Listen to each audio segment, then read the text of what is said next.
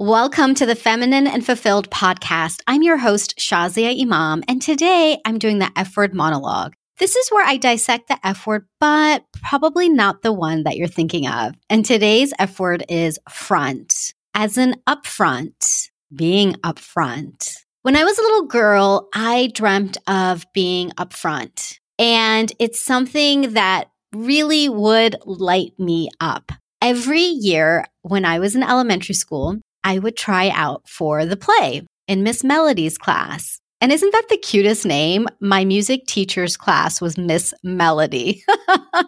I love a play on words, by the way. So her name was Miss Melody, teaching the music class. And every year there was a play. And every single year I would try out for the play. And I was so excited about it. And I would imagine myself up on stage in whatever the costume was for the play of that year and being able to have that speaking part. And every year I tried out, and every year I found myself in the chorus. And the first year I tried out, I was really, really excited, and I didn't get the part, any of the speaking parts. And I thought, it's okay. You know, she would read out the name, and my name would not be on that list, and then I would be in the chorus again. And then I would try out again the next year. I was like, this year I'm going to get it. And then I wouldn't get a speaking part again. And I remember by the third year when I tried out and I was in the chorus again, and I was actually in the moment where I was standing in the chorus. And that was the majority of the class. We were standing there singing the songs for the play. I remember looking over and seeing the kids that were on stage, the ones who got the speaking roles, and wishing that it was me and realizing that it wasn't, realizing that I was in the chorus yet again. I was in the chorus with everybody else and I wasn't up front and I stopped trying out. The story that I told myself was that I wasn't the right color because I went to a school of mostly white Caucasian kids. My teacher was white. And I noticed that year after year, the speaking roles were always to the white students and any students of color, we were in the chorus. Whether that's true or not, I don't know. But that is the story that I made up. And that story stayed with me for a very, very, very long time. That story about not being the right fit stayed with me.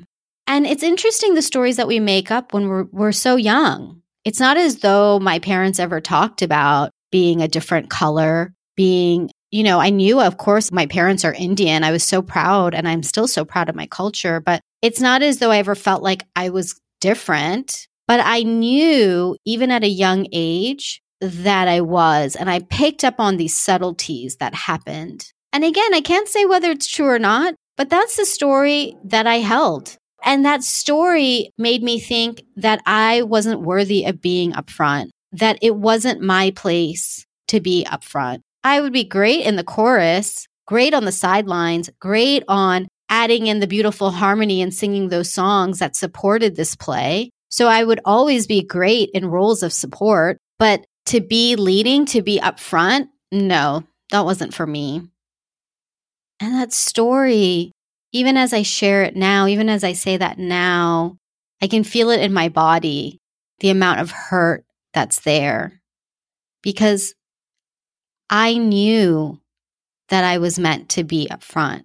I knew that I was meant to have those speaking lines. And I wonder, what if I'd had those speaking lines? Would I have become an actress? I don't know. maybe I would, maybe I wouldn't. I don't know that I want to be an actress per se, but would it have changed my perspective of being upfront? Would I have taken more roles to be upfront or would I have held myself back? Because by holding myself back, by believing that I could not be upfront, that I was somehow not worthy of being upfront because of the color of my skin, it stopped me from a lot of opportunities, if I'm being honest. And it really promoted this idea of always being in the support role. And I love that. I love being in a support role. I still do it to this day. I love to help people out. Actually, that's the work I do, of course, in my coaching, which I adore. And I know that now in this world, I also get to be upfront. My support also shows up in the way that I support my family and friends. And again, I wouldn't take away any of that. Even strangers on the street. If something happens, I'm that person that will be like, Are you okay? What can I do? I love to help people. It's just who I am.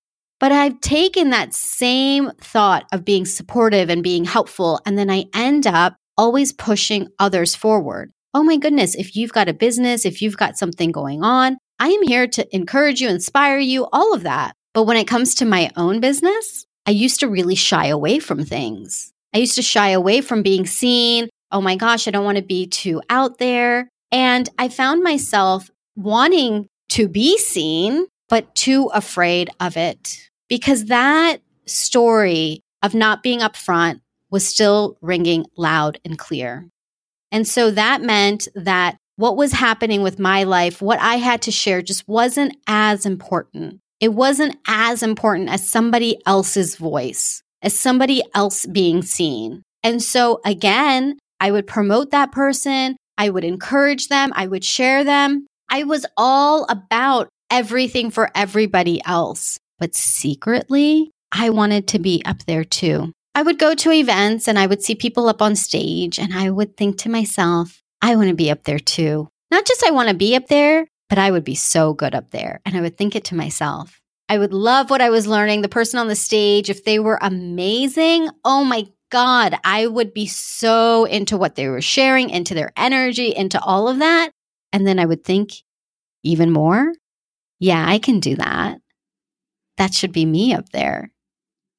Not to take away from them. And I want to be really clear about this because I've never actually thought like, I would want to take somebody else's place. Not at all. I've always believed that there's plenty of space. But this conversation that I'm having today is really important. And I want you to hear this that those feelings that you have inside, those secret feelings of knowing, like, yeah, I know I can rock it. I know I'm special. I know that I'm supposed to be up there too. It's that you get to also have it. It's not an either or by you being seen, by you being out there, by you really promoting yourself. And let's not even use the word promote because you might be thinking, ooh, Shazia, I don't know about that word. But for you to really highlight who you are and show yourself to the world, you get to do that. And when you do that, you do not take away from anyone. What you do is that you create space for others to do the same.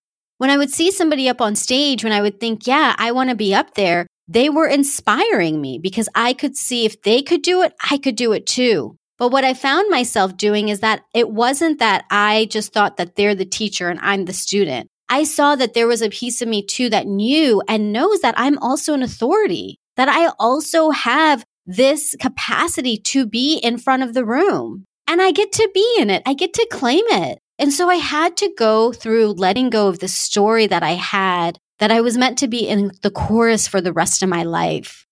No way. Just because one person at one point in my life did not give me a role up front doesn't mean that she determined my destiny. It doesn't mean that for you, your destiny has been written, that you will always just be on the sidelines. If you feel deep within that you are meant to be something big, that you are special, that you are going to be and meant to be and look fabulous up front, then that's exactly the spot that you get to claim unapologetically. That's your spot to be upfront. Now, your upfront may not be on stage. I personally like to be on stage. I like the speaking. I like the dynamics of being in front of a room, but your upfront could look very different. It could be upfront in teaching something that you love, but maybe in a different platform. In case you are saying, Shazia, there is no way public speaking freaks me out. I do not want to be on stage. Don't worry, beautiful. I'm not going to make you get up on stage.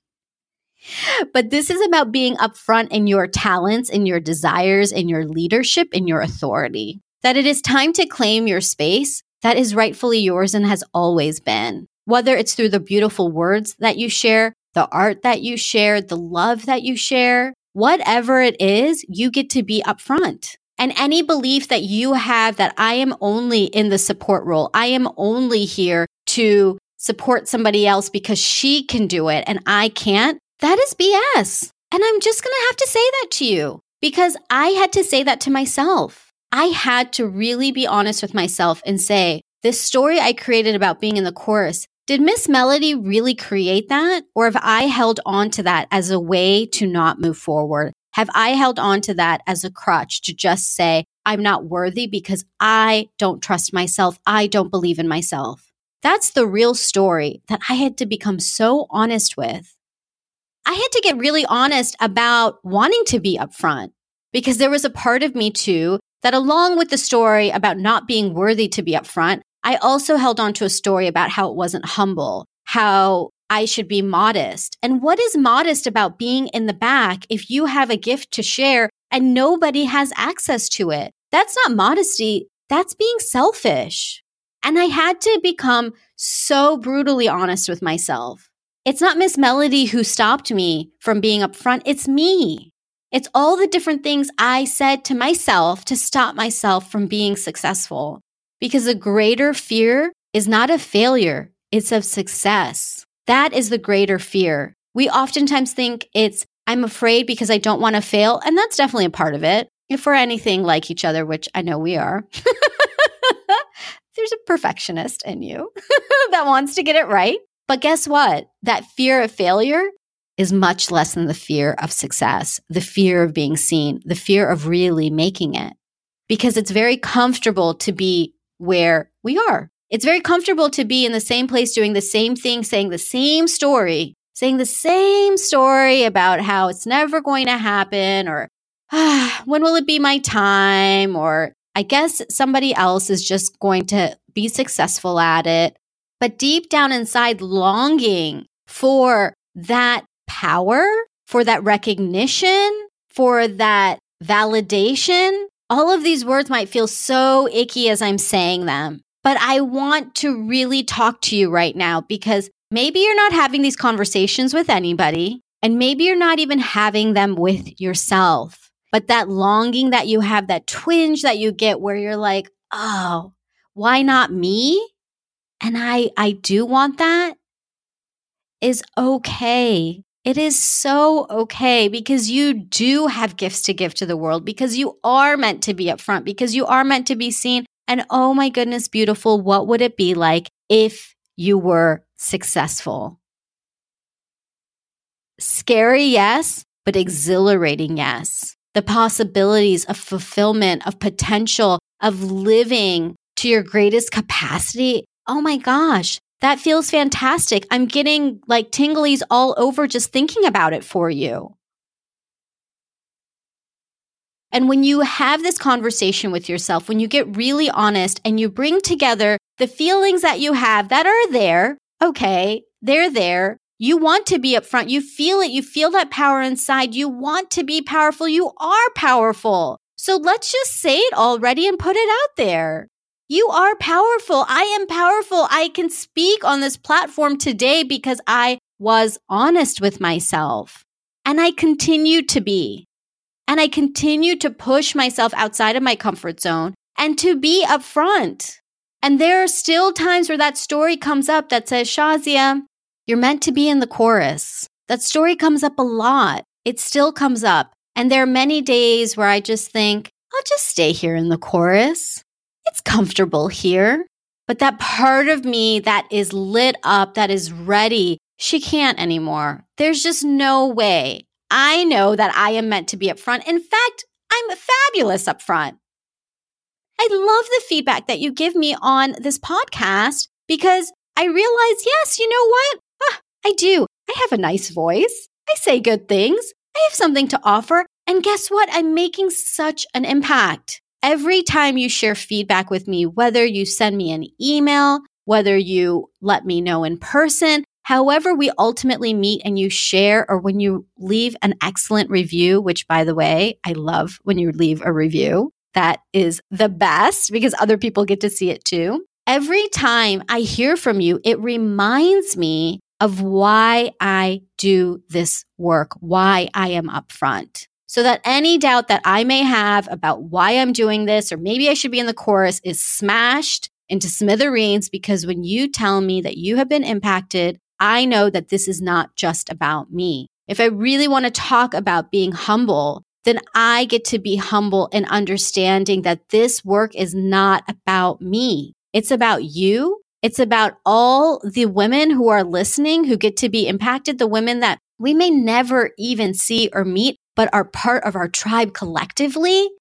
Yeah, that's what this is about. So, what is it that you get to show up in? How do you get to show up? What is your way of being? Where is it that you get to be upfront and you have known and are ready? In fact, you're beyond ready. You're like, oh my God, already because you're tired. You're tired of feeling irritable. You're tired of feeling like, why not me? Oh my God, I can't stand it. Yeah, I know that conversation. It sucks. So you have two choices. You can stay in that conversation and feel frustrated and irritated and like just wondering when, why, how. I mean, you can be in that place and then day after day goes by and you're like, oh, God, another day. Or you can decide, I am going to go for it. I am going to go for it. And I am ready. I'm ready. I'm ready to be up front. I'm ready to be out there. I'm ready to do what it is that I know that deep down inside is what I am meant to do in this world, who I am meant to be. I am ready. And girl, I am here for you. I will hold you to that because you have so much that you are meant to bring in this world. And you get to be up front. We get to be up front together. If you want to be on stage with me, come on over. And if you don't, it's okay. Again, it doesn't have to be on stage, but it's that thing that you are meant to do. It is that innate purpose that you have that you feel deep down inside that no matter what, you don't want to die without trying. Let that sink in. Do you want to try not having given yourself a chance? Do you want to die allowing other people's stories or perspectives or the story that you believe to be there to write your book? Uh, no. I have to say no for you.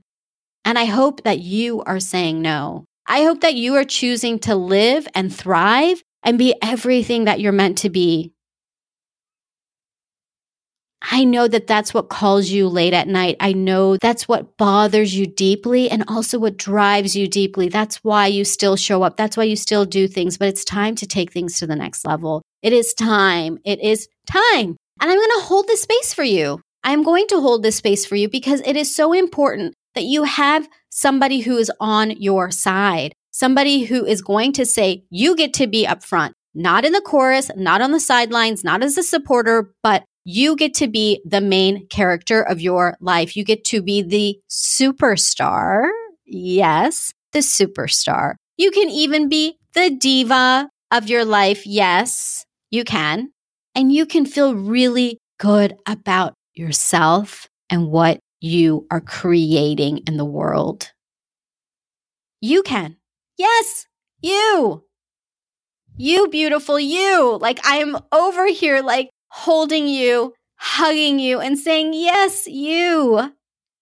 Yes. So here's the thing. If you're making a choice that I am going to live and thrive and I'm ready, then my invitation is open to you my invitation for a complimentary coaching session is open to you. This is a full 45 minutes of you and me talking one to one to really identify what it is that you want, what's been holding you back, and a powerful step to move forward. And I'm here to hold that space for you. And whether we talk and I recommend that we coach together, because if there's a fit, I'm going to talk to you about coaching. Yes, I will. Or if I recommend something else to you that's ready for this part of your journey, then I am a stand for you. What I can promise you is that I am going to hear you and I am going to really give you the time and space to uncover and discover parts of yourself that you have never done before. That's what this one session can do. And at the end of that, I'm going to share what I know is the best next step for you. Because I've done all the work now not all the work. There's still more to do, but I've done so much of it. I've learned so many things. I know about all the programs, all the things. all of the coaching, all of the fill in the blank, because I am an authority in this space. And I have really pushed myself, and I want to guide you to that too, to be who you're meant to be. Because who you see today, when you look at me and you say, Shazia, you're just so positive and you give me all this inspiration, I want you to know that it's because I believed in myself and then I got the right support. So I want you to reach out to me at thelifeengineer.com slash coach. That's thelifeengineer.com slash coach. And you get to apply for this complimentary session because this could be the very session, the very conversation that changes your entire trajectory. And isn't it time? Yeah, it is. It's time for you to be upfront. It's time for me to continue to be upfront. And that's why I get to hold you high. And it's time for both of us to claim our space in this world, to claim our power, our authority, and to be out there and proud. So hit me up, thelifeengineer.com slash coach. I will be waiting for your application. And I so look forward to talking to you soon. Until next time, Lilas, love you like a sister. Oh, and one last thing before I forget, I wanted to give you a really special gift because how could I not? I actually have a list of my favorite things that make me feel feminine and fulfilled. And I would love for you to have it so that you can grab whatever you want from the list. So if you want to see my list of my favorite things, go to thelifeengineer.com slash favorite. And it is a full list of all of the things that I love and all the links for you to grab them. So that's thelifeengineer.com slash favorite. And I just had to give you a gift, beautiful, because you deserve a fabulous gift. And why not all of the most favorite things to make you feel feminine and fulfilled? Okay. Love you.